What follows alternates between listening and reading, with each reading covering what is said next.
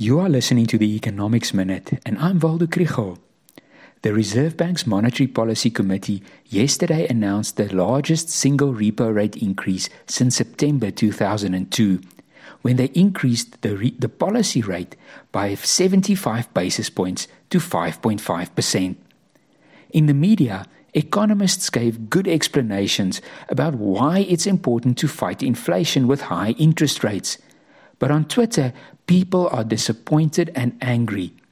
We don't explain as well as we think, but I want to try again.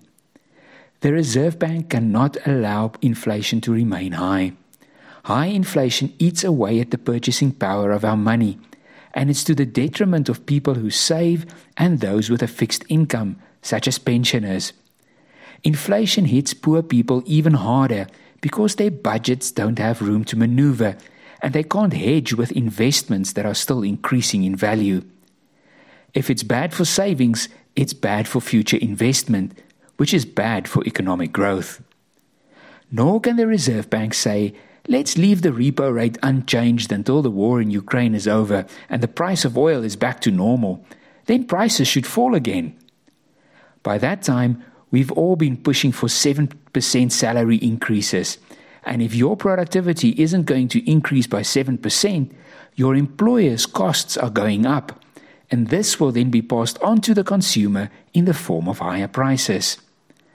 Unfortunately, there is no other way than to make everyone's debt repayments more expensive.